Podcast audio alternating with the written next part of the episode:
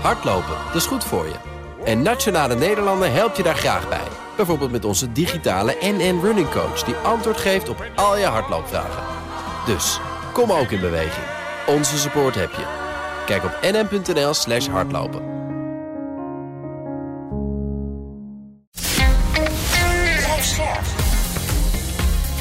BNR Nieuwsradio. Napleiten. Wouter Laumans en Christian Vlokstra. In de rechtszaal, ik doe, dat doen ze volgens mij nu niet meer. Uh, in de rechtszaal stonden uh, bewakers met, of militairen met uh, bivakmutsen en machinegeweren. In de rechtszaal? In de rechtszaal. Op een gegeven moment wil een cliënt een pen. Ik reik hem die aan en meteen bam, twee van die gasten boven op ons. Zo heftig was ja, het? Ja, dat was, dat was fullscale heftig. Ja.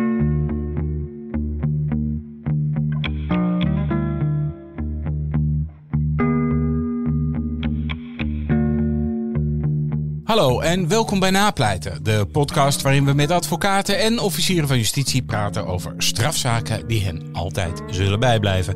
Mijn naam is Wouter Laumans en naast me zit strafpleiter Christian Vlokstra. Welkom Chris. Dankjewel Wouter. Even de huisregels als gebruikelijk. In deze podcast praten we over definitief afgedane zaken en vanwege de journalistieke zuiverheid behandelen we ook geen zaken waar jij, Christian Vlokstra, als advocaat ook maar enigerlei betrokkenheid bij hebt. Uh, Chris, heb jij wel eens meegemaakt dat een zaak meerdere keren terug naar het Hof is gegaan? Een zaak waarin jij. Uh... Nee, nee, kijk, wat je uh, wel kunt hebben, hè, dat, dat is misschien wel goed om uit te leggen. Normaal gesproken, als er een strafvervolging is, komt hij eerst bij de rechtbank. Als er een hoger beroep volgt, komt hij bij het Hof. En als daar weer een, een, beroep tegen volgt, dat heet weer cassatie, kom je bij de Hoge Raad. En meestal is de Hoge Raad het eindpunt. Maar wat er kan gebeuren is dat de Hoge Raad de, het arrest van het Hof vernietigt. Al dan niet geheel of deels. Uh, en weer terug verwijst, of terugwijst, moet ik eigenlijk zeggen, naar een gerechtshof. Om Ga het maar weer eens overnieuw doen. Ja, of voor een deel overnieuw doen. Ja. Uh, dat komt natuurlijk wel vaker voor. Uh, en dan kan zo'n zaak vervolgens weer naar de Hoge Raad gaan. Uh, en in de zaak van vandaag is de zaak vervolgens weer teruggegaan naar het Hof. En dat maak je niet veel mee, behalve in bijzondere zaken. Volgens mij, de zaak die vandaag toevallig actueel was, Ernst Lauwers, is het ook gebeurd. De, de moord op de, de weduwe Witteveen. en ook, op de, ook in de zaak van vandaag. Maar ik heb het zelf niet meegemaakt, maar het, ja, het komt ook niet vaak voor. Ja, dan de zaak die we vandaag uh, gaan behandelen, dat is zo'n zaak die iedereen eigenlijk wel kent in Nederland. Dat is die rond de Hofstadgroep. Uh, in november 2004 uh, werd filmmaker Theo van Gogh vermoord in Amsterdam. De dader was Mohammed B., een jonge geradicaliseerde moslim. In zijn woning in Amsterdam-West bleek een groep jongeren regelmatig bijeen te komen om over de jihad te praten. Volgens het Openbaar Ministerie uh, vormde deze Hofstadgroep een terroristische organisatie. Meerdere leden werden opgepakt, onder hen ook de dan 22-jarige Femi B. En bij ons te gast vandaag is advocaat Bart Nooitgedacht. Welkom. Dankjewel.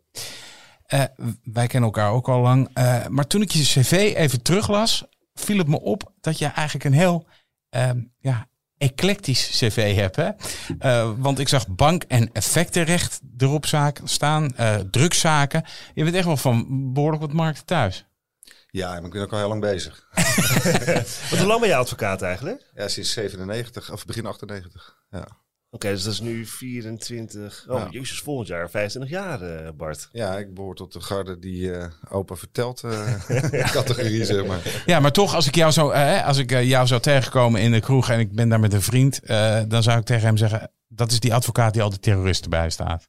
Want ja. dat is eigenlijk wel waar je het bekendst om bent. Hè? Dat je heel veel mensen hebt bijgestaan die verdacht worden van terrorisme of afreizen naar IS-gebied. Uh, is dat nou jouw specialisatie ook? Ja, dat is, dat is een heel groot onderdeel van mijn praktijk geworden. En dat doe ik eigenlijk al uh, sinds 2003. Um, en het frappante is, het lijkt wel een beetje karma. Ik heb in mijn studietijd in Noord-Ierland me daar enorm op toegelegd. En ik heb zelfs overwogen om daar als advocaat te gaan werken.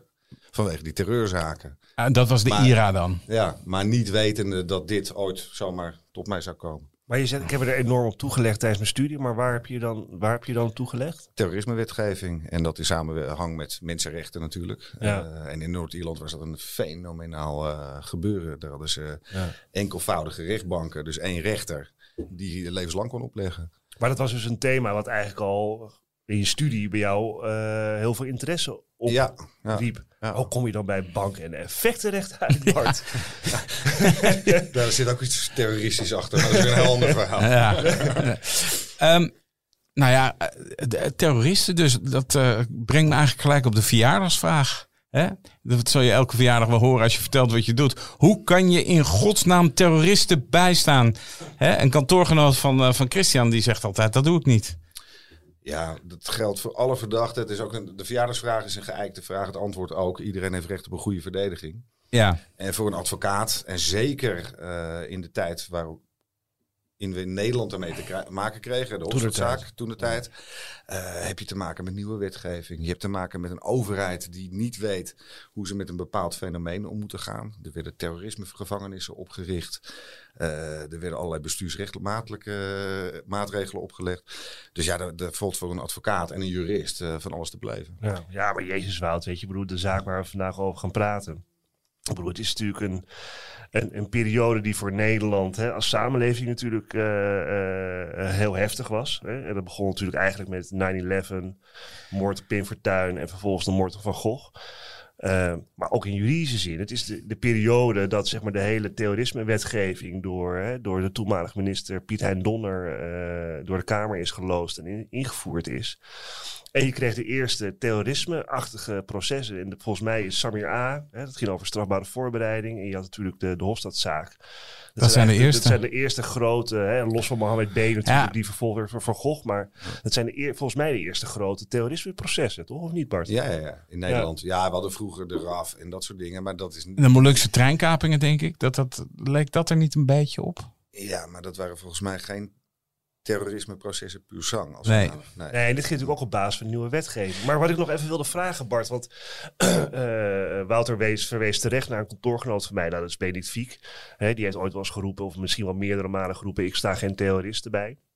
Nou, even los daarvan, weet je. Ik bedoel, iedereen kan daar op een eigen manier naar kijken. Het is ook geen kantoorbeleid, hoor, voor, het, eh, voor de duidelijkheid. Jij zou het wel doen.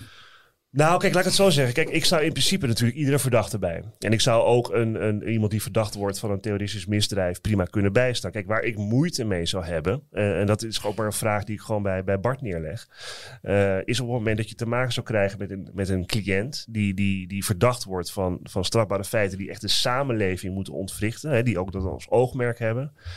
En die bijvoorbeeld de rechtsstaat ook niet erkent, weet je. En, en eigenlijk alles waar ik ook voor sta en ook onderdeel van ben als advocaat, ehm eh, omver wil werpen. En dat, dat, dat lijkt me het lastige eh, eh, om dat soort mensen bij te staan. Ik- Dat volgens mij jouw cliënt in deze zaak niet. Maar hoe, hoe kijk jij daar tegenaan? Heb je dat wel eens meegemaakt dat je dacht, ja, deze man die wil eigenlijk ook dat ik, dat, ja, mijn rechtsstaat waar, hè, en, en de rol die ik daarin heb vervul ook weggeblazen wordt. Dus wat doe ik hier eigenlijk?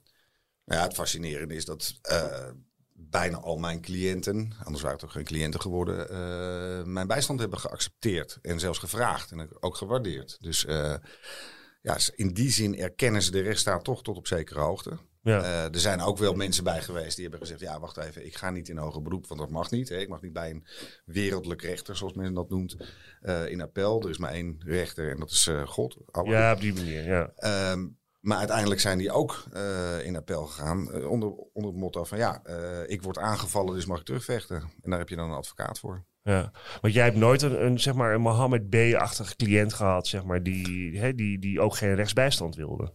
Nee. Nee. Nee. Die Hofstadgroep, hè? Dat is eigenlijk een soort containerbegrip geworden, toch?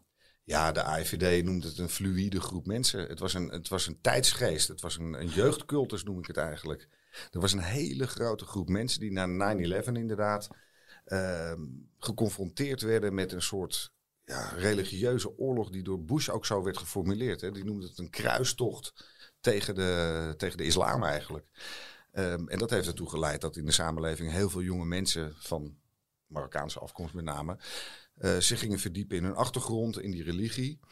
Ehm, en zich gingen afzetten. Dus dat is, dit is een jeugdcultus geweest. Een fluïde groep mensen, zoals de AVD dat noemt. Wat ik me uit die tijd nog kan herinneren is dat na 9-11 weet ik nog dat, ehm, dat toen hoe groot de paniek was in Nederland. Dat staat mij. ik was toen een jonge verslaggever. Ik werkte voor de eh, lokale Amsterdamse omroep. En, ik geloof in de na, nadagen van 9-11, een week daarna of zo.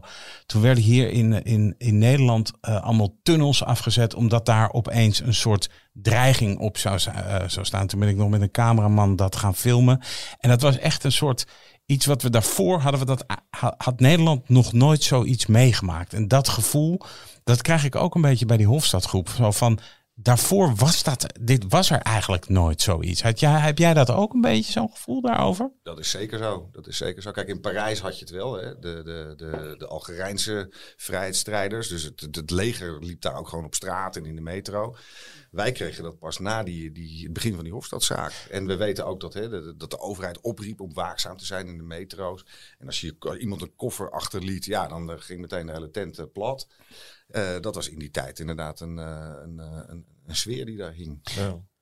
Want die Hofstadszaak begon eigenlijk voor Nederland met de moord op Theo van Gogh. Hè, die is in de Linnaeusstraat op gruwelijke wijze afgeslacht eigenlijk. Maar voor jou begon die zaak eigenlijk al eerder, toch? Ja. Wanneer begon die zaak voor jou te spelen? Kun je dat vertellen? In 2003, eh, toen kregen wij een melding. Ik had de piketdienst, zoals dat heet. En een kantoorgenoot en ik, die eh, moesten op pad. Maar we hadden net een soort feestje op kantoor. En we overwogen om niet te gaan, want er stond brandstichting. Dus ja, dat kan van alles zijn. Het was gewoon een reguliere piket. Een reguliere piket. Ja. Eh, Er stond brandstichting. Ja, we dachten zouden dat we qua jongens zijn die prullenbak in de fik hebben gestoken. Dan Ja. missen we ons feest. Ja, toch, toch gegaan.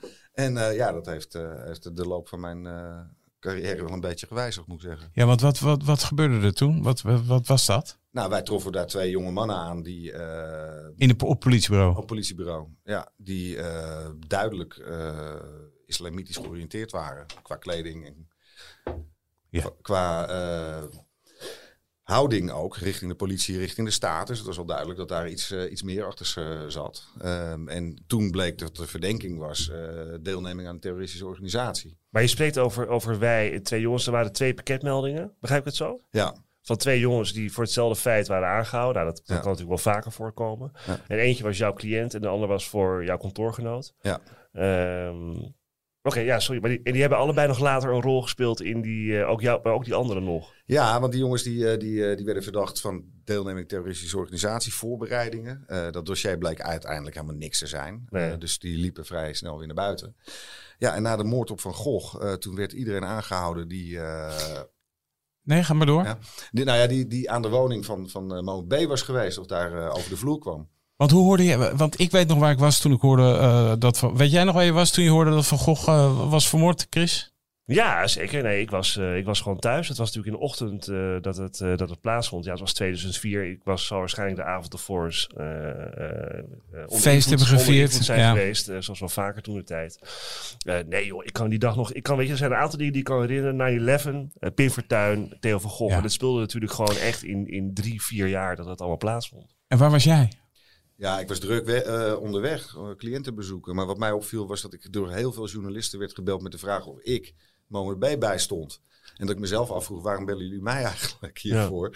Eh, maar dat had te maken met die eerdere aanhoudingen uit 2003, waar we het net over hadden. En eh, dat had ook nogal wat eh, media-aandacht gegeven. Ja, want dat vroeg me even af, want dat staat mij niet zo bij. Dus in 2003, zij worden aangehouden voor, hè, die twee voor een, een terroristisch misdrijf. Dat, dat heeft toen al kennelijk tot veel media-aandacht geleid. Ja. Je zei het dossier stelde niks voor, maar die zaak is, zijn ze vrijgelaten? Is die zaak geseponeerd? Wat is er gebeurd dan? Nee, ze zijn vrijgelaten. En uiteindelijk is die, is die meegenomen in die Hofstadzaak. Ja. Ja. het frappante was, die jongens in 2003, je moet je voorstellen, huiszoekingen, alles werd meegenomen. Waaronder dozen vol met geschriften, gedachtegoed eigenlijk. Ja. En die hebben ze toen ook weer mee teruggekregen. Dus eh, de stickers van de KLPD zaten er nog op. Ja. Toen ze voor de tweede keer werden aangehouden. En, toen was- werden die dozen weer meegenomen. En toen werd dat als bewijsmateriaal opgevoerd. Maar was dat toen ook al zo, toen in 2003, dat er al eh, zicht was op, op, op een grotere groep aan mensen die, nou ja, bezig Die, was die met... zaak in 2003 is toch aan het rollen gekomen via de AIVD, toch? Ja.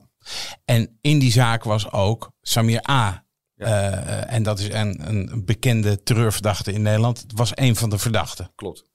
En jouw cliënt. Ja. Fast forward, 2004. Theo van Gogh dood. En jij wordt gebeld. Of hoe ging dat toen? Ja, ik ben gebeld door de familie van de cliënt. Hè. We kennen elkaar al. Ja. Eh, dat hij is aangehouden. Klopt. En wat werd jou verteld? Eh, nou, die aanhoudingen eh, voor terroristische misdrijven die gaan niet zachtzinnig. Men blaast je deur eruit en het hele, het hele pand wordt meteen helemaal leeggetrokken. Eh, dus er was vrij, vrij veel commotie bij de familie ook. En dat gold voor alle verdachten. Ja, want het was al de tweede keer. Kijk, de eerste keer was jouw cliënt aangehouden. En toen werden er in zijn woning spullen gevonden. waarvan de AIVD althans vermoedde. Van joh, die behoren toe aan Samir A. En dat was, werd, werd toen een behoorlijk een naam die echt wel ook rondgonste. Die heeft eigenlijk nou, tot, weet ik veel, 2014 of zo, wel in Nederland rondgegonst. Van, ja, dat, was, dat was dan hè, schoolvoorbeeld van een Nederlandse terreurverdachte. Ehm, maar hun deur was er dus opnieuw eigenlijk uitgeblazen. Ja, dat gaat er hard aan toe. Maar ja, goed, ja, dan gaat het zoals eh, in iedere strafzaak. Als advocaat ga je naar het politiebureau en dan eh, spreek je met de cliënt. En eh, wij mochten toen wel bij die politieverhoren aanwezig zijn. En wat zei jouw cliënt? Ja, wij hebben eh, in dat gesprek volgens mij, maar het is lang geleden, een paar woorden genoeg gehad. Eh, we gaan voorlopig geen verklaring afleggen. Dus hij beriep zich op zijn zwijgrecht. Ongeveer diezelfde dag werd er ook een inval gedaan eh, in een woning in Den Haag. En dat is, dat is de. de een- ja, dat, daar werd dus, werden dus medeverdachten van, jou, eh, van jouw cliënt opgepakt. En daarbij werd een arrestatieteam drong binnen in die woning in Den Haag. En toen werd er een granaat eh, naar hen gegooid. En daarna volgde een soort belegering van 14 uur. Eh, en die werd live uitgezonden op tv. En eigenlijk was de perceptie toen van, joh, Nederland is eh, under terror attack, weet je wel, wat je ook wel zag toen na 9/11 van. En wat is hier in godsnaam aan de hand? In hoeverre heeft die aanhoudingen en alles wat zich daar rondom afspeelt, in hoeverre heeft die dat de zaak van jouw cliënt eh, beïnvloed? Want jouw cliënt zat dus toen al in de gevangenis, in voorarrest. Ja, gigantisch. Dat heeft die hele zaak eh, beïnvloed. Hè. De moord op Van Gogh en wat er in de Anteunenstraat gebeurde. Dat gooien van een granaat naar een arrestatieteam. Eh, de overheid had geen flauw idee waar ze mee te maken hadden. Deze groep was niet echt in beeld. Later zijn er wel onderzoeken geweest en heeft men gezegd... nou, de IVD had ze misschien wel beter in beeld kunnen hebben. Althans een aantal daarvan. Ehm, maar dat heeft, dat heeft de angst aangewakkerd. En dat heeft er ook toe geleid dat er gigantische overheidsmaatregelen zijn getroffen. Ja. Want wat was het beeld van de Hofstadgroep aanvankelijk? Want jij krijgt dan, hè, je hebt dan de dossiers en je, je leest dat. eh, Hè, de eerste, nou ja, eh, de, de- de- misschien is je cliënt al verhoord. Wat, was, wat stond daarin? Wat was het beeld wat jij ervan had? Had jij gelijk zoiets van, dit is een flutzaak? Of, Ja, ja? Ja, meteen. Dit was gewoon één grote flutzaak, zoals je het noemt. Kijk, dit ging, die hele zaak, en zo gaat het in veel van die terreurzaken tot op de dag van vandaag, die ging eigenlijk om uitingsdelicten. Het kernverwijt was eigenlijk dat die jongens bij Mohammed B thuis kwamen en dat het daar radicaal werd gepredikt. Vrijheid van godsdienst, vrijheid van meningsuiting. Ehm, en in essentie had men eigenlijk geen concrete feiten en omstandigheden. Ze hadden wel documenten aangetroffen met radicale islamitische teksten. Wanneer mag je een ongelovige doden? Eh, dat niveau.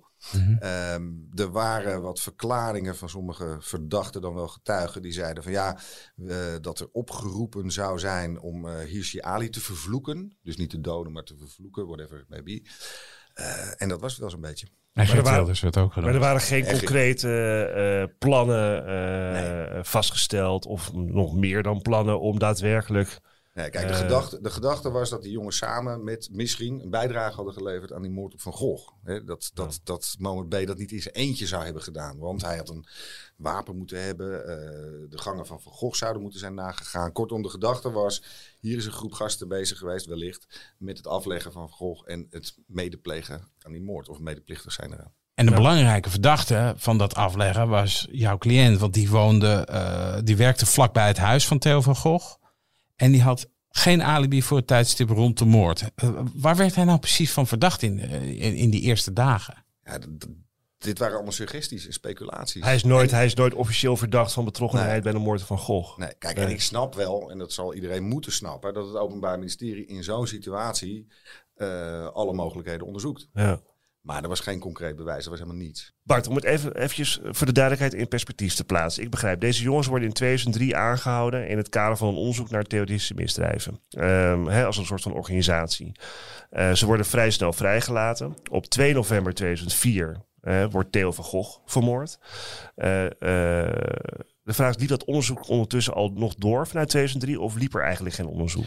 Volgens mij liep er geen justitieel onderzoek. Ik denk wel dat de IVD daarboven heeft gehangen. Ja, Ja, en dat kan je wel opmaken uit de IVD-ambtsberichten die in de tijd te plaatsen zijn, Ja. die later in het dossier zijn gevoegd. ja.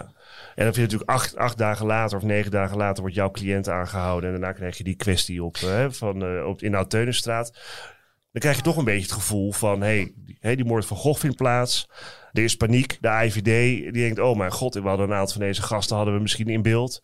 En dat ze toen maar gewoon als een razende overal zijn binnengevallen in de hoop dat ze iets van betrokkenheid bij de moord van Gogh konden vaststellen. Ja, de, de officier van justitie die de zaak, die Moment B heeft vervolgd, die heeft later ook publiekelijk gewoon erkend van iedereen die over de vloer kwam bij Moment B, die we gewoon aangehouden. Precies. Hij heeft, hij heeft ook dus, zeg maar, ehm, eh, de klant van eh, Bart, die heeft na de moord op Van Gogh ook een interview, of die is geïnterviewd door het NRC Handelsblad. Oh, serieus? Ja, dus die zijn hè, na, dus na de moord op Van Gogh zijn twee verslaggevers van het NRC Handelsblad, die zijn naar de buurt gegaan waar Mohammed B. woonde. Ja. En die spreken daar, op een gegeven moment spreken ze iemand aan op straat. En dat is een, eh, die wordt omschreven als een stotterende tegelzetter van 22. Ja, jij, jij moet me corrigeren als het allemaal niet klopt, eh, eh, Bart.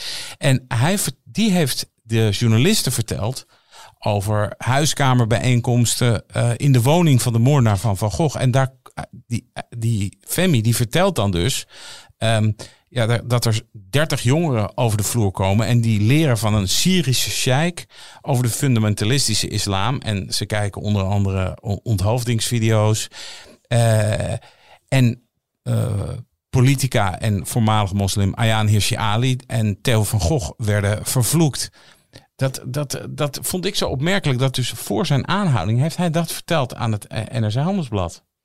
Ik heb dat interview niet voor ogen, maar het staat me wel bij dat hij toen inderdaad heeft gesproken met journalisten. Maar speelde dat een rol in het dossier ook? Niet? Nee, Helemaal niet. nee. Nee. Nee. Nee, ik weet dat, want hij zat toen na de aanhouding, dat is gepubliceerd toen hij is, vlak nadat hij is aangehouden. Klopt. Toen zat hij in die beperkingen. Ehm, en toen stond het mij niet heel erg vrij om daar veel over te praten met hem. Nee. Maar dat interview heeft in de strafzaak helemaal geen rol gespeeld. En eh, wat, wat, wat daar gezegd wordt, eh, zoals je dat voorhoudt, ja, dat, dat, dat blijkt uit alles in het hele dossier. Dus die feiten als, aan zich, eh, over die huiskamerbijeenkomsten, over waarover werd gesproken, ja, die worden niet eens echt betwist. Dat was Nee. niet, de essentie. Ja, want in dat stuk komt hij eigenlijk naar voren. Tenminste, voor zover ik het kan nagaan. Hè. Dit is allemaal hartstikke lang geleden. Maar als een soort iemand die aan het zoeken is. Een soort drifter. Want zijn broer, want hij is uit Marokko gekomen, spreekt een beetje gebrekkig Nederlands. Zijn broer spreekt vloeiend Nederlands. Eh, en die zegt in dat stuk over, ja, mijn broertje die heeft verkeerde vrienden. En wat, wat, ja, wat, ik vroeg me dan toch af van, ja, hoe, hoe kijk jij naar zo'n jongen als je hem zo op zo'n moment dan bijstaat? Hoe zie jij dat ook? Kijk je daar zo naar? Of kijk jij gewoon heel sec naar van, dit is bewijs wat er ligt, hier hebben we het mee te doen? Nou, dat laatste is natuurlijk een primaire taak. Eh, maar ik moet je eerlijk zeggen, in dit soort zaken is een algemeenheid, en zeker ook met deze jongen, heb ik altijd een hele goede band gehad. En dat klinkt misschien voor de luisteraar vreemd, maar eh, altijd vriendelijk bejegend, met respect bejegend. Ehm, Maar heb je ook gesprekken met hem gehad, zover je dat kunt zeggen, bevraagd over van, hey, hoe sta jij hierin eigenlijk dan? Gelet op de verdenking hè, die tegen hem eh, was gerezen. Nou, dat, dat in zijn algemeenheid eh, zijn dat wel thema's die aan de orde komen, maar Ja. niet, niet heel diepgravend. Het is er vaak ook helemaal niet nodig, Ja. omdat, ehm, kijk, dit soort, dit, dit soort vragen zijn vaak niet eens nodig. Het eh, de idee dat een cliënt van een terroristisch misdrijf mij gaat vertellen dat hij daadwerkelijk een bomaanslag wil plegen of iemand wil vermoorden, is natuurlijk bijna een fictie. Het zou kunnen, maar dat, dat is bijna ondenkbaar. Ja, Dus dat wordt nooit met mij gedeeld. nee. Dat, dat, dat geldt in zijn algemeenheid, denk ik. Maar wat, Ehm, maar wat werd er nou, wat ik me even afvraag, wat werd er nou ten grondslag gelegd, zeg maar ten aanzien van jouw cliënt? Hè, feitelijk, wat zou hij gedaan hebben, dat, dat die verdenking er kwam van deelneming aan een terroristische organisatie? Ja, die, kijk, die, die, die aanklacht die, is- die was gigantisch. Dat was moord, eh, doodslag, eh, eh, ontploffingen, explosie, you name it. Dat, dat was De zwaarste misdrijven kwamen voorbij. alles wat je kan verzinnen. Dat was, een, dat was een boekwerk.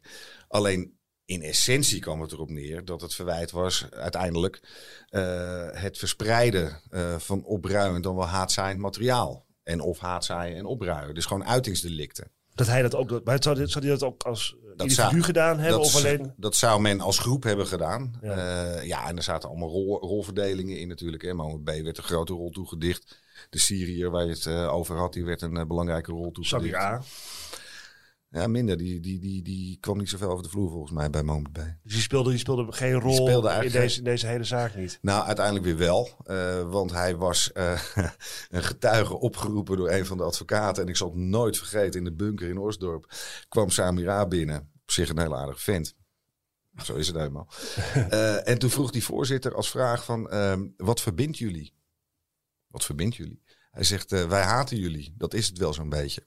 En ik zweer het je, de rechtbank veroordeelde die jongens voor deelneming terroristische organisatie. En bewijsmiddel 1 was de verklaring van Samira. Wij haten jullie. Wij haten jullie. Ja. Ja. Ja. Nou, dat is later in hoger beroep heeft hij gezegd, ja, dit is, ik kan niet voor die andere jongens spreken. Je moet het ook niet uit zijn context trekken, et cetera. Maar dat is meteen aangegrepen als zijnde een eh, dragend bewijs. Dat zegt iets over de sfeer. Heb jij nou ooit enig idee, eh, een goed inzicht gekregen wat er nou tijdens die, want dat, dat kan ik me ook nog herinneren, die huiskamerbijeenkomsten, dat waren een soort mysterieuze bijeenkomsten. Heb jij nou ooit een idee gekregen wat zich daar nou precies heeft afgespeeld? Nou, ik weet, ik heb eigenlijk geen enkele twijfel over, want ik heb meer jongens bijgestaan in die zaak. Ik heb geen enkele twijfel over dat het eigenlijk een soort jeugdhonk was. Men kwam daar samen om te chillen, om te praten. En ja, te spreken over de islam, over hun godsdienst. En er werden ook radicale teksten gedebiteerd en eh, filmpjes bekeken, waaronder onthoofdingsfilmpjes. Daar werd toen door het Openbaar Ministerie enorm veel gewicht aan toegedicht. Met het idee van ja, dat doe je om jezelf voor te bereiden om zoiets te doen. Hè, om je, om je Ja. weerbaar te maken. En eh, Maar er vond ook wel een radicaliseringsproces plaats. nou, dat, dat, is, dat is wat men dacht, ja. Ja. ja. Ja. En dat zou ook best zo kunnen zijn geweest bij een aantal van die jongens. Maar het verschil tussen al die verdachten is, is, is, is heel groot. Hoeveel verdachten waren het in totaal? Weet je dat nog ongeveer? Ik dacht in het begin 17 of zo. Chris, wat zijn nou, hè, want dit klinkt allemaal behoorlijk vaag. Ja. Snap je? Je hebt mensen die komen bij. Kijk, concreet, Theo van Gogh is vermoord. Concreet, er is met handgranaten naar de politie gegooid. Ja. Concreet, er zijn eh, volgens mij ook wat wapens gevonden. Dat zijn concrete dingen. ja. Maar in een huiskamer zitten en daar dingen bespreken, is dat genoeg om mensen echt te kunnen veroordelen op een terroristische organisatie? Hoe zit dat bijvoorbeeld bij een criminele organisatie? Hoe Ja, zit Kijk, in, in essentie natuurlijk niet. Kijk, het, het, er zijn een aantal vraagstukken die van belang zijn. Ten eerste, waar begint strafbaar handelen? Hè, dus gedachten die jij hebt, en eh, die zijn in principe niet strafbaar, die zijn gewoon niet strafbaar. En handelen wordt eigenlijk pas strafbaar juridisch gezien als er sprake is van strafbare voorbereiding van bepaalde misdrijven. Dat gaat dan over naar poging of naar een voltooid delict.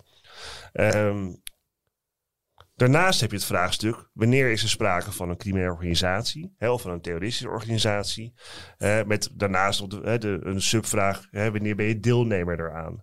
Kijk, eh, je bent een, een criminele organisatie of een terroristische organisatie. Nou, dat is natuurlijk ook de jurisprudentie die uiteindelijk in deze zaak eh, gewezen is. Maar in essentie komt erop neer dat er sprake moet zijn van een gestructureerd en duurzaam samenwerkingsverband tussen twee of meer personen.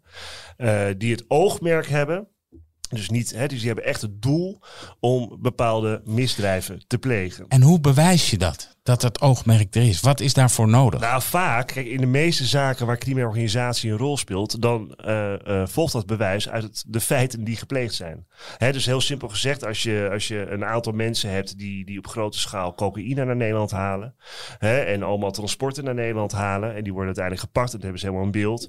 Nou, dan heb je een organisatie van mensen die gestructureerd en duurzaam met elkaar samenwerken. Dat oogmerk op drugsimport, nou, dat is vrij helder. Ja. Hè, want bedoel, dat, dat volgt gewoon En dan heeft iedereen een eigen Dus Pietje haalt de auto's, Jantje de, de, zorgt dat de container binnenkomt. Precies. Kijk, en meestal is zeg maar de, de, de organisatiebeschuldiging in, in, in reguliere eh strafzaken is ook een soort van ja, eh, overkoepelende beschuldiging. Dus je hebt gewoon de moorden, je hebt de invoeren en daarnaast heb je de, de organisatie erboven hangt.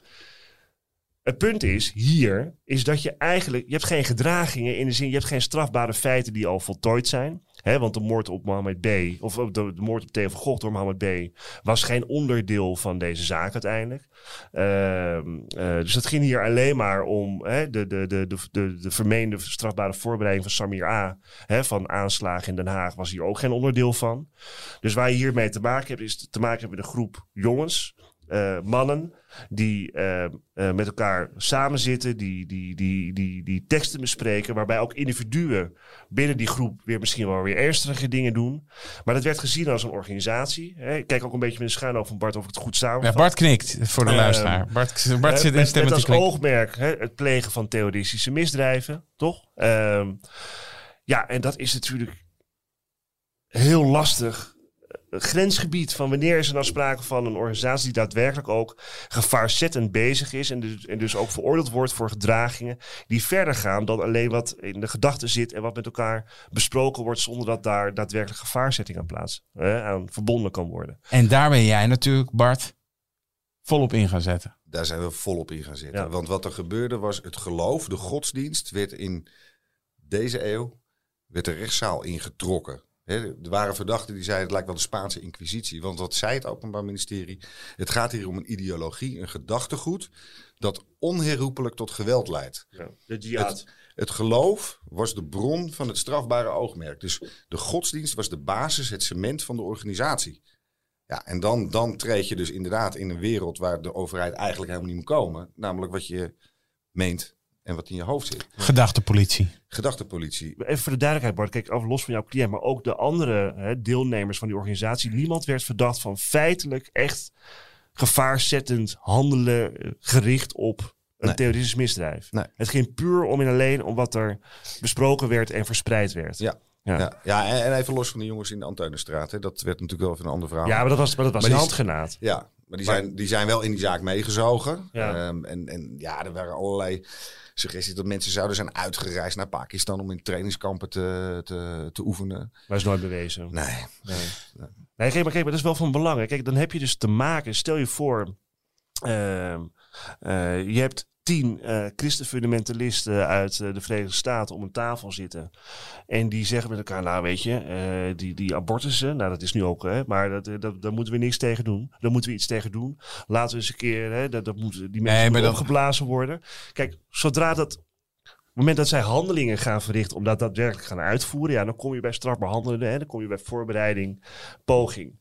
Maar als het bij dat tafelgesprek blijft, is dat, strafbaar? Gebeurt, ja, nee, het is wat jij met je, wat je met je vrienden in de kroeg uh, bespreekt. Laten we een bank overvallen. En hoe zouden we dat eens gaan doen? Ja, kijk, maar dan is het nog lollig, weet je. Dan kun je zeggen, het gaat nergens. Kijk, hier wordt natuurlijk wel avond en avond gesproken over de heilige plicht misschien. Maar dan nog, ook al spreken wij elke, elke avond met z'n tweeën, Wouter, over hoe wij dat containertje gaan opzetten. Als wij daar niks mee doen, dan Nee, maar dan ik snap het. Wel. Maar aan de andere kant hè, was het natuurlijk toen doodeng wat daar gebeurde. Het was doodeng, want er zaten daar een aantal jongeren die zaten uh, in, die, in die huiskamer. En een van die jongeren die uh, gaat op 2 uh, eh, november 2004, gaat die, die praat de hele tijd over al dan, dan, dan blijft het, is het altijd praten geweest. Maar op 2 november 2004 gaat hij naar Amsterdam Oost, schiet hij op Theo van Gogh probeert hem zijn keel door te snijden, plant een mes in zijn borst en, ze, en met een briefje uh, waarin hij uh, de rest ja. van Nederland waarschuwt. Nederland schrikt zich op zo'n moment helemaal kapot. Um, daar, daar, daar, komt een reactie op natuurlijk. Nee, maar iedereen, dat zelfs Bart dat begrijpt. Kijk, iedereen begrijpt dat op het moment dat zoiets gebeurt, dat alles wat zeg maar, daarmee te maken heeft, wordt aangehouden. Alleen de vraag is vervolgens, wat ga je daarmee doen? En als je volgens niet kunt vaststellen dat iemand ook maar iets gevaarzittends heeft gedaan, dan is de vraag, moet je daarmee doorgaan? Alleen, ja, ze zijn ermee doorgaan en het is ook een teken des tijds. Alleen de vraag is, als dit tegenwoordig zou gebeuren met al die IS-gangers, zeg maar, die daadwerkelijk hè, iets doen. Als je deze casus nu zou hebben, Bart, zou die dan vervolgd worden, denk je? Ja, we hebben een paar van die casussen uh, waarbij een aantal mensen hebben besproken of ja, afgeluisterde gesprekken waarin is besproken van hoe gaan we Rutte vermoorden, hoe gaan we uh, Wilders vermoorden. Daar zijn meerdere zaken van. Uh, die worden toch ook opgepakt? Die worden allemaal opgepakt. Ja. En, Dus het is eh, toch idioot om te de, denken kern, van... maar de, de kern van het verhaal is natuurlijk, wij kunnen hetzelfde gesprek hier ook voeren. Ik, eh, maar dat doen we niet eh, voor het grote publiek, niet in de openbaarheid. Want dan Nee, nee. kom je al in de, in de sferen van strafbaar handelen. Maar wij kunnen natuurlijk fantaseren wat we willen. Ehm, maar, en dat de overheid dan ingrijpt in het huidige tijdsklimaat, dat begrijp ik volkomen. En dat, en dat begrijpen mijn cliënten ook nu, hè, die, die hiermee te maken hebben. Die Ja. begrijpen dat ook. Alleen, dan moet je toch verdomd snel tot een conclusie kunnen komen. Je doet huiszoekingen, je kijkt wat je aantreft. Je kijkt wat de waarde is van die gesprekken. Je ondervraagt alle verdachten. En als je dan geen concreet hard bewijs hebt, dan moet je mensen vrijlaten. Alleen het probleem hiermee is, en dat zien we nu nog steeds, dat men niet kan kijken in het hoofd van een mens. En daarom worden psychiaters, psychologen en ook godsdienstgeleerden, imams, ingezet vol op dit soort verdachten. Met vragen als van eh, wat voor ideologie heeft deze? En rechtvaardigt die ideologie geweld en onder welke omstandigheden? Eigenlijk treedt de overheid nog steeds het, terrein eh, waar ze niet moet zijn. Eh, maar het is eigenlijk nog erger op dit moment, want die rapporten van psychiaters en psychologen, die worden eigenlijk gebruikt als bewijs. En daarmee ligt de vraag naar een bewezenverklaring niet meer bij de rechter, maar bij de deskundige tussen aanhalingstekens. En dat is in mijn, naar mijn idee levensgevaarlijk met dit soort delicten. Terug naar de zaak. In Nederland staat op zijn kop op dat moment. Ehm, er wordt op de, naar aanleiding van die Hofstadgroep, wordt zelfs een speciale afdeling opgericht in Vught. Ja. De terroristenafdeling. Jouw cliënt is daar eh, ook naartoe overgeplaatst. Wat was dat voor was dat een, een unicum toen in Nederland? Wat dacht jij toen je daar voor het eerst kwam? Ja, het was bizar. Het, eh, even een stukje terug. Die jongens die werden door het hele land geplaatst in normale gevangenissen. Dus die cliënt van mij stond daar gewoon te pingpongen met drugsdealers en straatrovers. En, die had natuurlijk zeker een status, want dat is, Nee, eh, nee, nee, dat viel dat wel is mee. Femi van de Hofstadgroep. Ja, nou ja als, Hofstad, Nou. als Hofstadter ben je een held in de gevangenis, zeiden wij wel eens. Eh, maar Was dat zo eigenlijk? nou, in sommige gevallen wel, denk ik. Oké. Eh, maar wat, wat, wat daarvan zei, die jongens die functioneerden gewoon prima. Eh, maar toen kwam de lucide gedachte van ja, misschien gaan ze wel mensen radicaliseren. Eh, en daarbij werd niet gekeken naar concrete feiten en omstandigheden, of iemand dat deed of niet. Al die verdachten werden naar een eh, uit de grond gestampte terrorismeafdeling in Vught gebracht. En aan een bijzonder zwaar regime onderworpen. Dat was echt dat was bizar. Het is nu een stuk beter. Maar hoe was dat toen, toen jij daar voor het eerst kwam? Wat dacht jij? Dit kan niet. Ik bedoel, het, was, het, het gebouw alleen al was rot. Maar eh, de manier waarop ze werden bejegend, eh, hoe wij werden bejegend als advocaten. Hoe ging dat dan? Ja, allerlei veiligheidsmaatregelen. eh, de sfeer was gewoon om te snijden. geen enkel begrip of respect voor de positie van de gedetineerde of de advocaat. Eh, ik weet ook zeker dat wij in die tijd gewoon full scale werden afgeluisterd. Door de IVD. Ja, maar ook door de gevangenisautoriteiten. Ik bedoel, ik kan je een heel klein, eh, als sideweg, Ja? eh anekdotetje geven. Ik zou er nu anders op reageren dan toen. Maar ik zat met een jonge dame, ook verdacht van uitingsdelict in het kader van een terroristisch misdrijf. Tengere dame. Ik mocht geen pen meenemen. Nee, ik moest achter glas of zonder glas. Maar dan moest ik aan een lange tafel tegenover haar zitten en dan mocht ik geen pen meenemen. Nou, hebben we daarvoor gekozen. En ik maak een grapje tegen haar. Ik zeg, joh, je kan me ook wurgen met je hoofddoekje. Nou, wij lachen. Aan het eind van het gesprek komt er een bewaarder naar me toe... of ik even bij de directie wou komen. Ehm, en toen werd mij verstaan gegeven... ja, wij stellen dat soort uitspraken niet op prijs. Want u zou als mensen eh, op gedachten kunnen Wauw, brengen. ze erkenden ook gewoon. Wa- wa- waarop ik zei, ik stel het niet echt op prijs... dat jullie onze geheime gesprekken afluisteren. Nee. Ja. Dat, Jezus, maar dat is, maar gewoon- ja, maar het is dat, wel- soort, dat soort Ja. dingen. En die, en die terroristenafdelingen, die, zat, die zit eh, in Vught. Maar dat is niet de EBI, als ik het goed begrijp. De EBI is waar Ridwan Taghi zit eh, nu op dit moment. Maar Nee, de EBI is nog even een eh, schaal hoger qua eh, beveiliging. Daar zit je ook echt helemaal in een apart compound. hoor. Maar dat weet jij, Chris, meer Ja, van dan dan zie je ik. Maar- maximaal twee of drie. Hè. Ja, dat is, Maar dat is, dat is uit, on- uitgesloten dat je zonder glas met iemand kan spreken. Maar Ja. als je denkt als overheid, eh, joh, deze mensen, dat zijn eh, de mensen die eh, mogelijk een aanslag willen plegen op, eh, op Nederland. Is het dan niet logisch dat je die in een heel Ja, maar kijk, weet je, we krijgen wel het. Ik, vaak is het ook wel logisch dat daar een reactie op volgt. Hè, en dat, dat de overheid iets wil doen. Maar wat je vaak ziet, en dat denk ik is in dit geval ook gebeurd. Dat zie je ook in de georganiseerde criminaliteit. Dat door een incident wat er gebeurt, de paniek ontstaat. En vervolgens zeg maar maatregelen worden genomen vanuit die paniek. En, zonder, en dat die maatregelen vooral genomen worden met het oog op mogelijke risico's, maar niet meer op concrete feiten en omstandigheden. En dat is begrijpelijk, hè, gelet op de maatschappelijke eh, eh, onrust die daaromheen ontstaat. Kijk, in deze zaak is natuurlijk een teken destijds, hè, van, van Ja. toen der tijd. Maar datzelfde heb je eigenlijk nu ook rondom bijvoorbeeld de EBI en, hè, en, en de manier waarop de EBI functioneert en advocatenbier in de EBI functioneert. Vanwege al dat gezeik rondom Marengo, Taghi, Youssef Taghi, nou noem het allemaal op. We gaan geen zaken bespreken waar jij bij als Nee, nee, advocaat maar bij betrokken nee, bent. dat Ik moet bedoel ik even de huisregels eh, in acht nee, nemen. zeker niet. Ik ga daar, zeg maar, hallo, ik, ben, ik heb daar maar geen rol in. Ik ga dat ook verder helemaal niks over bepleiten. Alleen wat je dus merkt, is dat, en dat zijn, eh, eh, dit was Nederlands kennismaking met zogenaamd terrorisme. Nou ja, de, moord op, de moord op, eh, eh, hè, op, op de broer van Macaulay en, de, en met name natuurlijk Dirk Wiers en Peter de Vries was Nederlands kennismaking met echt, weet je, heftig geweld tegen de bovenwereld vanuit de onderwereld. En dat, dat leidt gewoon tot paniek en dat leidt tot, tot, tot politiek gedoe en maatschappelijk gedoe. En dan moet je als advocaat er maar een beetje in laveren. Nou, en dat doet Bart al 25 jaar. Nou ja, een teken hiervan was ook dat er in de rechtszaal, ik doe, dat doen ze volgens mij nu niet meer, eh, in de rechtszaal stonden eh, bewakers met, of militairen met eh, bivakmutsen en machinegeweren. In de rechtszaal. In de rechtszaal. Dus op een, gege- op een gegeven moment wil een cliënt. Ja jongen, dat Marengo dat stelt Nee, helemaal niks voor. Nee. Ja, maar op een gegeven moment wil een cliënt een pen. Ik ge- reik hem die aan en meteen bam, twee van die gasten bovenop ons. Zo heftig was ja, het. dat was, dat was fullscale heftig. Ehm, in januari 2006 begint het proces. Eh, het OM heeft het dan in het eh requisitor over tikkend tijdbommen. De denkbeelden van de verdachte eh, zijn volgens het OM zo radicaal dat geweld vroeg of laat niet kan uitblijven.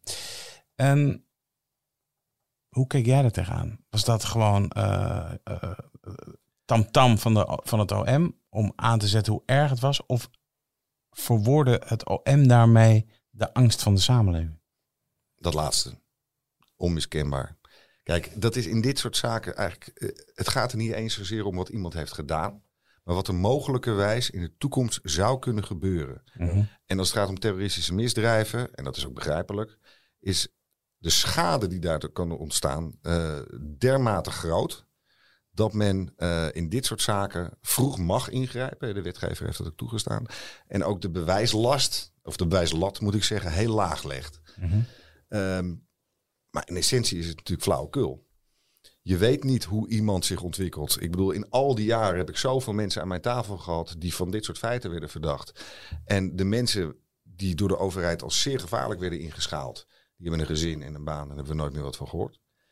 Eh, jongens waarvan ik dacht, dat zijn prima gasten, daar hoef je je niet voor te vrezen. Die zijn vertrokken naar Syrië en hebben zichzelf daar opgeblazen. Ehm, je weet het niet. En daar moet ik als, als advocaat, als mens, ook als burger, ook, ook erkennen dat de overheid natuurlijk een levensgroot probleem heeft. Om de, het kwaad eruit te schiften. Of het risico moet ik eigenlijk zeggen. Ja. Maar het gevolg is wel dat als je met een te groot sleepnet gaat vissen. Dat je heel veel onschuldige jongens eh, meezuigt. Met alle gevolgen van dien, want je maakt levens kapot. Jij haalde dat ook aan hè, in je verweer. Want in je verweer zei je, als Mohammed B. Theo van Gogh niet zou hebben vermoord, dan waren we hier helemaal niet eens geweest. Klopt, En dat denk je, is dat nog steeds je overtuiging? dat is zeker zo. Ja. Ja, als je de gang der dingen ziet. Maar wat ik me even afvroeg, hè, want eh, er is natuurlijk een inhoudelijke behandeling geweest bij de rechtbank. Ja. Eh, heeft jouw cliënt vragen beantwoord? Heeft hij zich zeg maar zelf verdedigd? Heeft hij gezegd, nee jongens, eh, maak je niet zo druk. Ik ben gewoon, dat, is heb- even, dat is even wat minder periode. Ik ja, ik zeg maar wat, hè. Ja, nee, alle, alle verdachten hebben verklaringen afgelegd. Ja, en wat was, wat was hun standpunt dan? Of, of was er geen gezamenlijk standpunt? Of wat, wat, wat was het? Wat kwam eruit? Nou, dat wa- in essentie kwam eruit van er is helemaal geen sprake van een terroristische organisatie. Ja, maar van de En- jongens, hè, bedoel Ja, ik. Van de ja, jongens zelf. Ja. Mohammed B. weten we natuurlijk dat hij bij Theo van Gogh gewoon zei... Eh, ik zou het gewoon zo nog een keer doen. Hè, al kijkend naar de moeder van Van Gogh. Er is geen één verdachte in die zaak opgestaan met de mededeling. eh, het is allemaal prima en ik ben het inderdaad van plan als ik de kans krijg. Integendeel. Ze ontkennen echt de beschuldigingen. Ja. En kijk, je moet ook bedenken, in die tijd, het was zo groot dat eh, op een gegeven moment allerlei mensen zich gingen melden. Bij mij, en bij de andere advocaten, maar ook bij justitie. En er waren dus ook, ja, ik mag het wel zeggen, psychoten. Die eh, op een parkje hadden gezeten en eh Mohammed B. hadden horen spreken. En die kwamen met verklaringen. En dat werden getuigenverklaringen notabene. En dat werden getuigenverklaringen die werden ingebracht en serieus werden genomen. Dus Ja. het was een mer à boire. Ja. Ja. En daarbij zaten het, het was het dossier natuurlijk ook voor een heel groot gedeelte gebouwd op geheime IVD-stukken. Het was, het was eigenlijk, dat is wat de officier van justitie toen ook zei. Het was een enorme berg aan AIVD-informatie. En het Openbaar Ministerie heeft geprobeerd dat te verifiëren. Niet te falsificeren, maar verifiëren. Ze hebben alleen maar eens bewijs gezocht wat daarbij kon passen. En ja, het was een blauwdruk. De, de, de, de Hofstadgroep is eigenlijk ontworpen, zo zeiden wij ook wel, aan de tekentafel van de IVD. Ja, misschien is dat wel even van belang, Wouter, dat we dat wel eventjes benoemen. Want dit is natuurlijk een anders type dossier, zoals jij en ik het eigenlijk wel eens kennen. Hè? Dus gewoon de politie doet onderzoek. Hè, die heeft allemaal bevindingen, zet ze in proces verbaal. Weet je. je hebt gewoon een dossier, nou, daar wordt op geoordeeld. Maar dit is een dossier wat zeg maar, voor een belangrijk deel gevoed is vanuit de AIVD. Door middel van zogenaamde ambtsberichten. Um, en jij weet het beter dan ik, eh, Bart. Want je kunt eigenlijk niet achter de, de, de, de, de bronnen, de grondslagen van die AIVD-stukken komen, toch? Je moet dat gewoon. Hoe ziet dat eruit dan? Ziet dat er ook anders uit? Nou, weet je, in, bijna alle terreurzaken beginnen met AIVD-informatie. De AIVD mag natuurlijk veel en uh, die nemen tegenwoordig ook heel veel op. Dus je hebt heel veel tapes waar uh, gesprekken op staan. Maar die, het begint normaal gesproken met een bericht van uh, meneer uh, of een aantal personen is. Plan om dit of dat. Ja, ja, die vormen een organisatie of zijn aan het radicaliseren. maar ook van die belachelijke berichten als van meneer X is snel geradicaliseren, want hij draagt een jalab en heeft zijn baard laten staan. Ik bedoel, dat niveau zat er ook tussen. Maar normaal gesproken is dat de start voor een opsporingsonderzoek. Ja. Nu zie je in die grote terreurzaken dat de AIVD parallel meegaat en blijft voeden. Uh, nou ja, dat is een beetje te technisch misschien voor nu. Ja, maar die gedurende proces eigenlijk ook nog steeds nieuwe bevindingen inbrengt. Van, maar in, die, in die Hofstadzaak was echt, het was gewoon, het dossier was al geschreven. Het moest alleen nog even bevestigd worden. Dat was mijn overtuiging. Maar hoe, hoe kon jij controleren dan? Niet. Uh, kijk, dus de AIVD-informatie mag uh, juridisch technisch gezien tot het bewijs worden gebruikt. Alleen dat gebeurt zelden of nooit. Tenzij het gaat om controleerbaar bewijs. Bijvoorbeeld ja. OVC-gesprekken. Die, kan je, die banden kan je uitluisteren en dan, dan kan je toetsen en kan je er iets van vinden. Maar die gewone ambtsberichten worden eigenlijk... Ik heb het één keer meegemaakt, maar die worden eigenlijk nooit gebruikt als, uh, als informatie. Of als bewijs. Maar wel voor het opsporingsonderzoek. Dus die gaan dan die personen die genoemd worden in die AIVD-ambtsberichten natuurlijk afluisteren. Huiszoekingen doen en andere uh, infiltratietrajecten, observaties. Ja. you name it. Ja, het is wel van belang, hè? Want uh, bedoel, het is uh, een paar weken geleden zag ik, uh, is het, het voornemen van de overheid dat de AIVD ook zeg maar, in de bestrijding van de georganiseerde misdaad een, een grotere rol gaat nemen. Dat betekent dus hè, dat de AIVD zich actief gaat bemoeien met opsporing en vervolging van hè, niet alleen van terroristen, maar ook van georganiseerde criminaliteit. En daardoor worden, ja, wordt ons speelveld als advocaten en als rechters en officieren ook volkomen anders. Ja. Maar kijk, het, als het waar is dat uh, uh, de advocaat en de, de, de broer en de, de, de, de adviseur, Peter R. de Vries, uh, in dat Marengo-proces zijn vermoord vanwege de kroongetuigen, als dat waar is, als dat een feit is, dan is dat natuurlijk ook terrorisme puur sang, zou ik bijna willen zeggen. Ja. Ik ben er geen voorstander van dat de AIVD zich gaat bemoeien met zaken die de staatsveiligheid niet raken, want daar zijn zij voor. Maar hier kom je toch wel behoorlijk in de buurt van Terreur. Terreur ja. Nou ja, goed. Ik moet, ik, nu, het, nu het zo zegt, ik bedoel, ik moet er toch even aan denken. Kijk, we hebben de, uh, uh, tijdje terug de, de eisen gehad uh, tegen, de, tegen de verdachte van de moord op Peter de Vries. He, waarbij het Openbaar Ministerie levenslang eist met de motivering, met name dat er sprake is van, he, van een aanslag op de rechtsstaat. Um, en dan denk ik wel, ja, als je dat zegt, en met zoveel stelligheid en daar ook je, je strafeis op baseert, dan zeg je dus, dan moet je in feite ook te last leggen dat dus iemand met een theoretisch oogmerk die daad heeft gepleegd. Want dat is dan Hè, de, de, want een aanslag op de. Bedoel, hoeveel meer theoretisch oogmerk wil je hebben dan een aanslag op de rechtsstaat? Hè? Dus die vergelijking. En je ziet gewoon zowel in, in, in feitelijkheden als in juridische zin. zijn de connecties. Ja, uh, het, valt mij, het valt mij ook eigenlijk op dat ik, ik moet de hele tijd. ook in de voorbereiding hiervan. Ja. moest ik de hele tijd eigenlijk uh, veel aan Marengo denken. Het, het, het proces tegen Ridwan Taghi. Daar gaan we het niet over hebben, vastgesteld. maar je ziet ook dat er in deze zaak, in de Hofstadzaak, de staat wordt geconfronteerd met een nieuwe tijd. Een nieuwe tijd waarin jonge mensen radicaliseren en soms afgrijzelijke daden begaan. Precies, wat als een gevaar voor de staat aan zich wordt gezien. En dat, dat maakt het misschien... Uh... We gaan terug naar de zaak, want ja. anders dwalen we gewoon veel te ver af. Uh, uh, vonnis 10 maart 2006 was dat. Jouw cliënt, Femi B, die werd schuldig bevonden in de eerste aanleg 18 maanden kreeg hij. En lekker voor de deelname aan de terroristische organisatie. Ja, en eh, jij hebt eh, gezegd eh, na afloop van... eh, eh, ik ben in elk geval blij dat de moord op Theo van Gogh... dat ze die niet ook aan mijn eh, cliënt hebben toegerekend. Dus dat was eh, op dat moment winst. Toch ben je natuurlijk in beroep gegaan, neem Nou, ik dat- aan. volgens mij bedoel je, dat, bedoel je dat vrij cynisch, of niet, eh, Bart? Ik was, Was je, was je, was je, was je boos? Eh, Was je teleurgesteld of boos? Dat is misschien ja, nou, ik, ik, ik, ik was toen, eh, dat klinkt misschien een klein beetje pathetisch, maar ik was eigenlijk bezorgd over onze eigen fundamentele rechten. Onze rechten op vrijheid van meningsuiting, godsdienst, maar ook informatievergaring. Ik vond dit echt een aanslag op onze ja, fundamentele mensen. Maar wat is jouw essentiële bezwaar als je dat toch even eh, tegen, dat, tegen het vonnis en tegen wat daar gebeurd is? Nou ja, dat er eh, feitelijk eigenlijk geen concrete gedragingen werden toegerekend aan de cliënt. Ja, voorhanden hebben van haatzaaiend, opruimend materiaal en dus deelneming aan die organisatie. Ja. Ehm, en dat de basis van die organisatie werd gevonden in die ideologie die onherroepelijk tot geweld moest leiden. Ja. Ja, dat is een drogredenering of een, een, een redenering uit het ongerijmde. Ja. Eh, ik, vond dat, ik vond dat levensgevaarlijk. Het is een, ja, Want die zaak werd gelijk, eh, het was, was altijd vanaf dag één politiek natuurlijk. Hè. Naar aanleiding van dat vonnis, die gaf die, eh, de toenmalig premier, Jan-Peter Balkenende, die gaf, die, die gebruikte dat vonnis van, om te zeggen, de nieuwe terreur, antiterreurwetgeving, die werkt goed. Complimenten aan het OM tegen de voor de strijd tegen het terrorisme van de Hofstadgroep. Op dat moment bemoeit de premier van Nederland zich met een vonnis in jouw zaak. Wat dacht je, wat dacht je daarvan?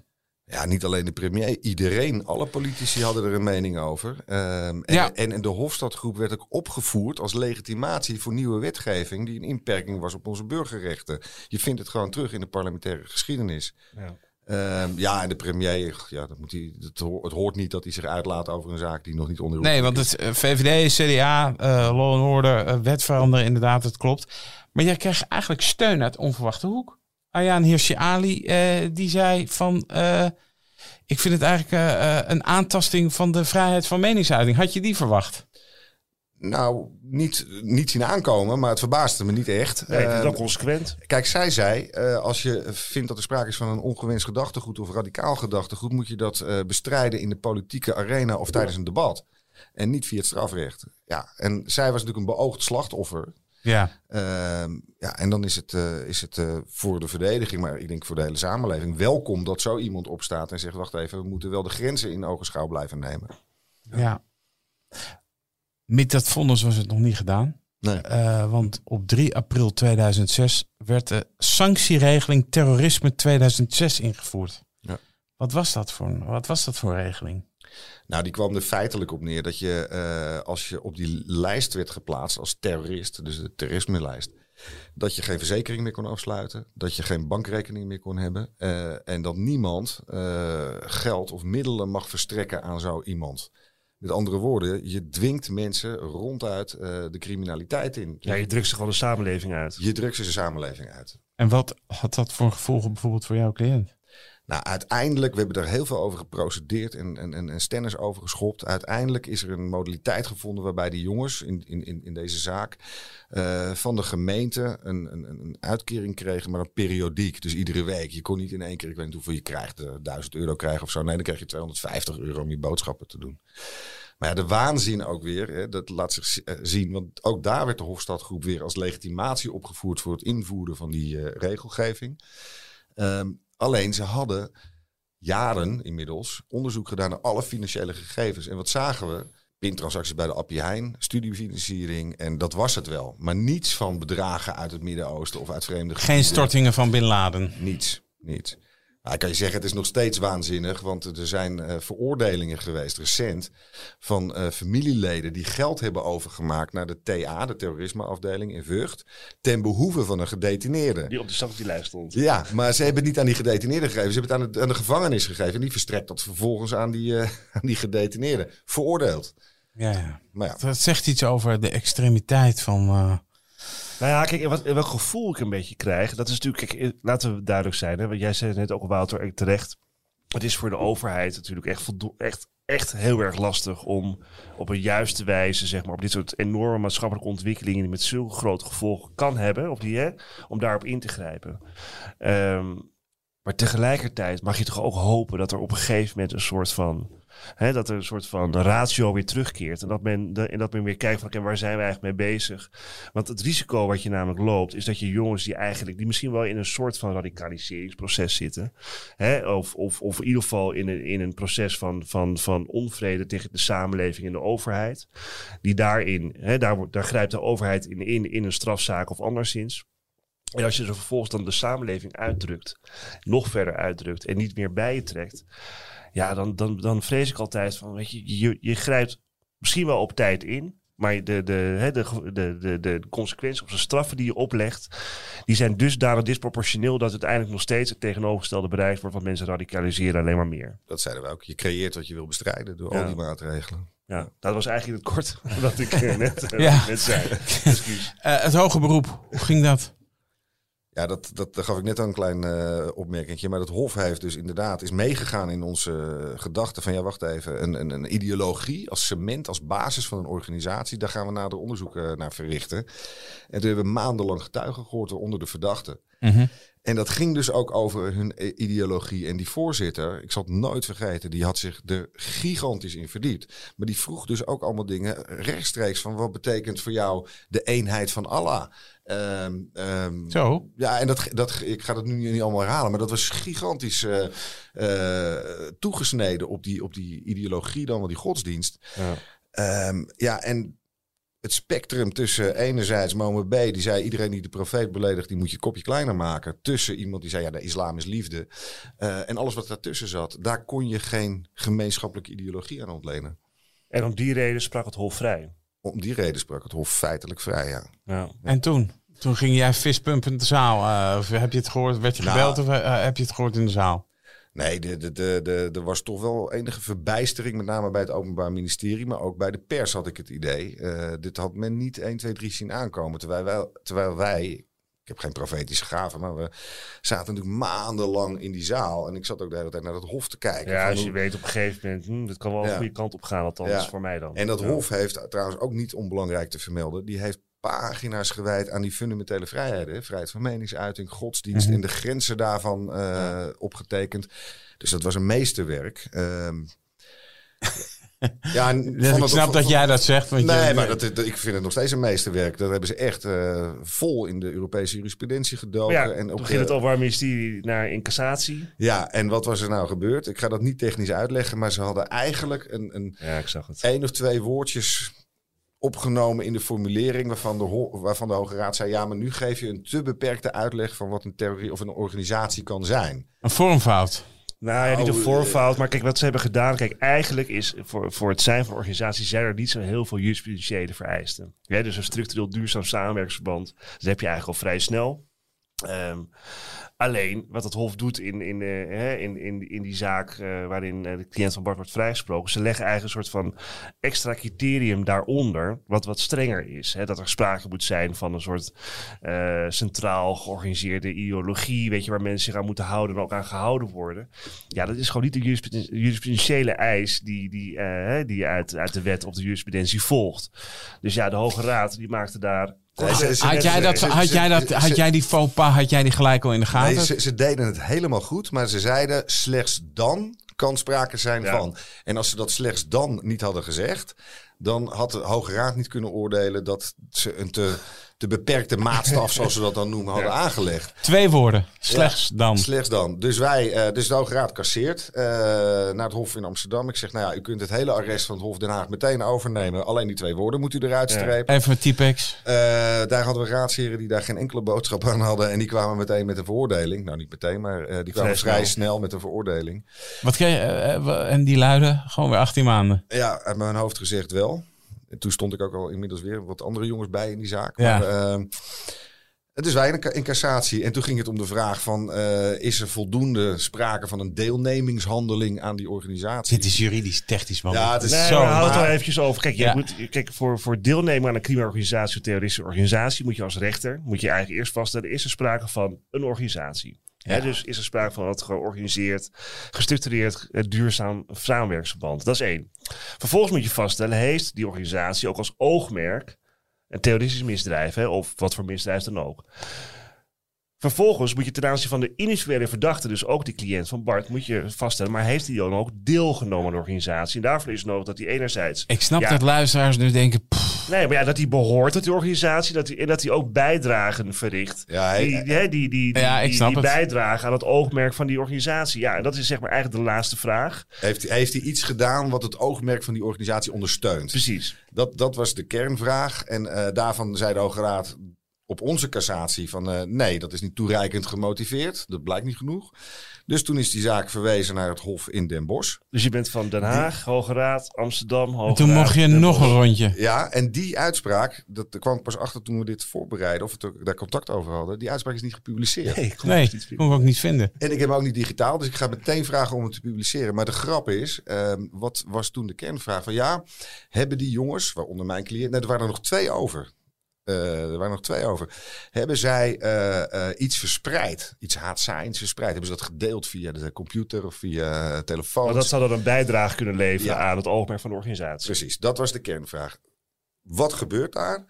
Eh, de advocaat-generaal zegt van ja, we hebben niet zo heel veel bewijs, maar ik wil toch nog een poging wagen. Mind you, we waren acht jaar later ongeveer. Nee, dit is 2015. Ik ja, of elf jaar misschien. Maar we gaan toch nog een poging wagen. Ik wil dat alle, alle in beslag genomen gegevensdragers, dus computers, telefoons, laptops, alles onderzocht worden door het NFI. Ja. Toen hebben wij gezegd, dit komt ons vrij van de pot gerukt over, maar het Hof heeft dat toegewezen. Moet je als verdediging vragen zoiets? nou, dan word je nog net niet het het Hof, zaal het. Hof, het Hof heeft dat toegewezen.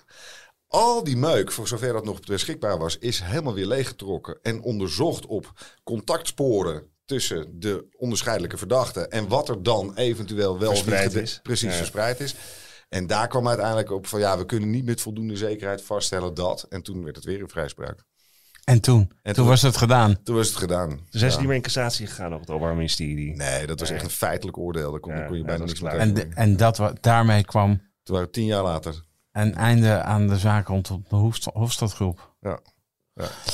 Hoe was dat voor jouw cliënt? Hoe, hoe- in 2015, toen was die...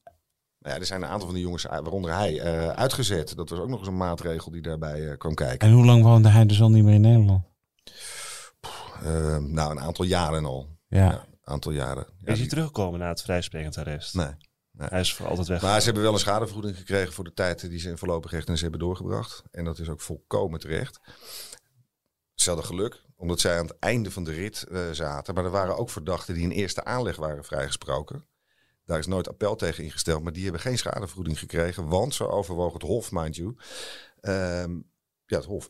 Ehm, want eh, ja, ze hadden toch het, zelf het risico genomen dat ze in een kring verkeerden waardoor ze zelf, mind you, geradicaliseerd zouden kunnen raken. Ja. Ja. Maar goed, een soort Ja. passief slachtofferschap. Ja. Jezus, wat een zaak, hè? Wout. Ongelooflijk. 10, 11 jaar lang. Nou, 11 jaar lang. Ja. 11 jaar mee bezig. Nog wel even een vraag toch Bart, wat ik me afvraag. Hè? Want jij, hebt natuurlijk, jij, jij bent hier in 2003, hè? om weer even terug te gaan, ben je hiermee begonnen. We zijn nu 2022.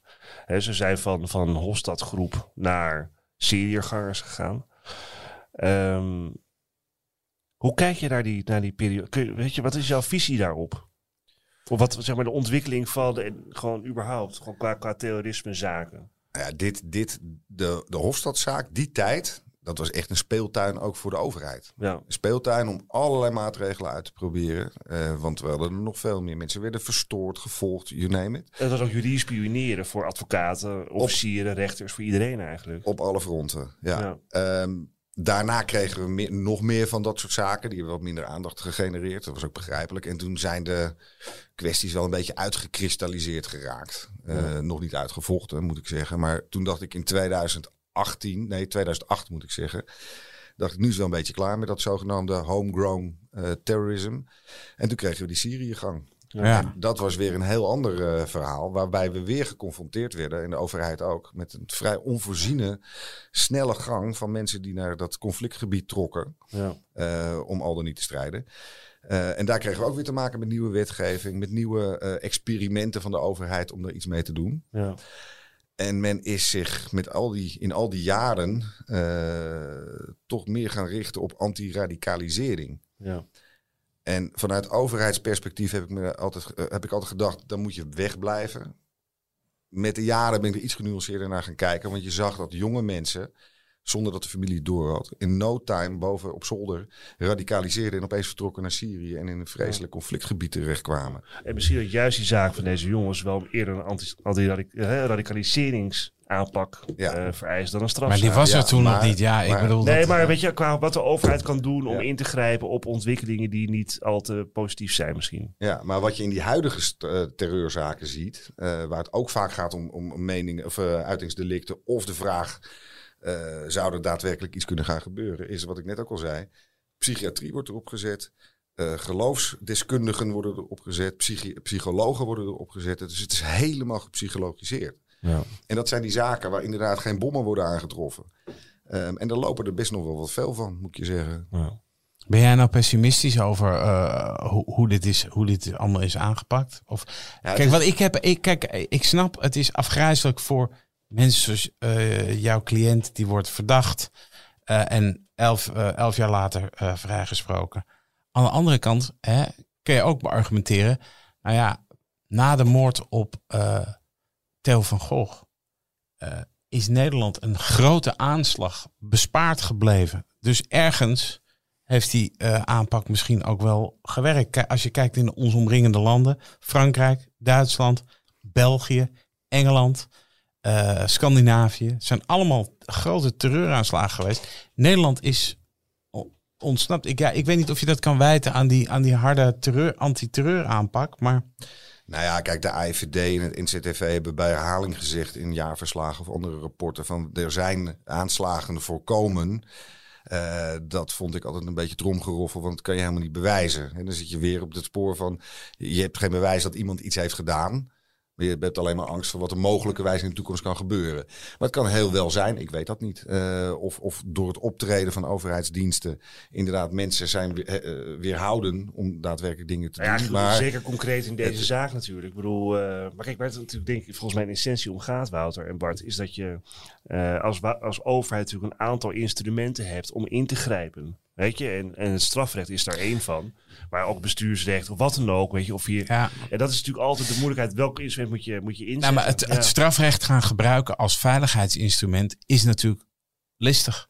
Is Want heel eigenlijk listig, strafrecht is voor, bedoeld voor iets wat al gebeurd is. Precies. Ja. Dat, dat is het grote gevaar ook. Dat je dus mensen meeneemt die uh, onschuldig vastkomen. Het is alsof je de brandspuit gaat zetten op een huis. Omdat mogelijk daar een brand uit kan spreken. Maar tegelijkertijd wil ik ook erkennen. En ik bedoel, het ook, ik bedoel, wij zouden het ook misschien niet beter doen. Het was een, echt een hele moeilijke tijd, denk ik, in, in 2002, 2003, 2004. Uh, uh, we moeten als samenleving, is het ook zeg maar, een ontwikkeling die je doormaakt, hoe je om moet gaan met bepaalde. Want laten we wel zeggen, kijk, Theo van Gogh is wel vermoord. Weet je, ik bedoel, laten, en dat was ook een, een probleem tijd. Laten we wel zijn. Nou, dus ja, en, ook en, en, en laten we ook vaststellen, er zijn nog wel wat andere dingen aan de hand. Ayaan Hirsi Ali is weg. Precies. Geert Wilders Precies. zit nu al 16 jaar IS, in de zwaarst en heel veel uitreizigers. Dus, dus dat maar is goed, weet je, de, daarvan zeggen ze natuurlijk ook, ja, want ik ben er ook wel in geïnteresseerd. Ik bedoel, kijk, het strafrecht is natuurlijk wat dat betreft überhaupt geen oplossing. Weet je, voor, voor, voor het tegengaan van dit soort maatschappelijke problemen. Nee. Het strafrecht moet voorbehouden worden tot het sanctioneren uh, van gevaarzettend gedrag. Daar komt het in essentie op neer. En je kunt je wel heel erg de vraag stellen, Bart. In ieder geval, ja, goed, ik weet hoe jij die vraag beantwoordt. Is hier sprake geweest van gevaarzettend gedrag? Ik Ja. heb het nergens kunnen terugvinden. Nee, ik ook niet. Niet, niet in de in- individuele gevallen. Nee, precies. Ja. En nog één ding, want dat hangt er al die tijd boven. Ehm, het heeft ook een discrimina pardon, discriminator karakter. Ja. Hè, Ik heb ook neonazies bijgestaan die gewoon vanuit de PI met elkaar spraken over het feit dat ze blij waren dat ze niet werden vervolgd door terroristische organisaties en dat die spijkerbommen niet waren aangetroffen, want ze wouden eh, mensen van een andere huidskleur eh, te grazen nemen. Stond gewoon in het dossier. Ja. Die jongens die hebben gewoon in een normale gevangenissetting een strafje uitgezeten. Een licht strafje mag wel Ja. gezegd worden. Ja, en we hebben natuurlijk na Breivik, en nou ja, zo kunnen we weer een heel nieuw thema aan, eh, eh, aansnijden. Maar we hebben natuurlijk vanuit andere kanten ook een dreiging. eh, waar tot nu toe, eh, naar mijn idee, veel coulanter mee wordt omgegaan dan eh, dit soort zaken als die door de islam zijn geïnspireerd. Al dus justitie. Bart Nooit gedacht. Enorm bedankt voor je komst en bedankt voor het mooie verhaal. Dit was Napleiten. De uitspraak in deze zaak kunt u nalezen op rechtspraak.nl. Mijn naam is Wouter Lauwmans en naast mij zit co-host advocaat Christian Vlokstra. Deze podcast is te beluisteren op Apple Podcasts en Spotify. Vergeet u vooral niet te abonneren, dan bent u... Uh, vergeet u vooral niet te abonneren, dan bent u op de hoogte als er een nieuwe aflevering online staat. Verder zijn we uiteraard te volgen op de socials, Twitter en Instagram. Dank voor het luisteren en graag tot de volgende keer.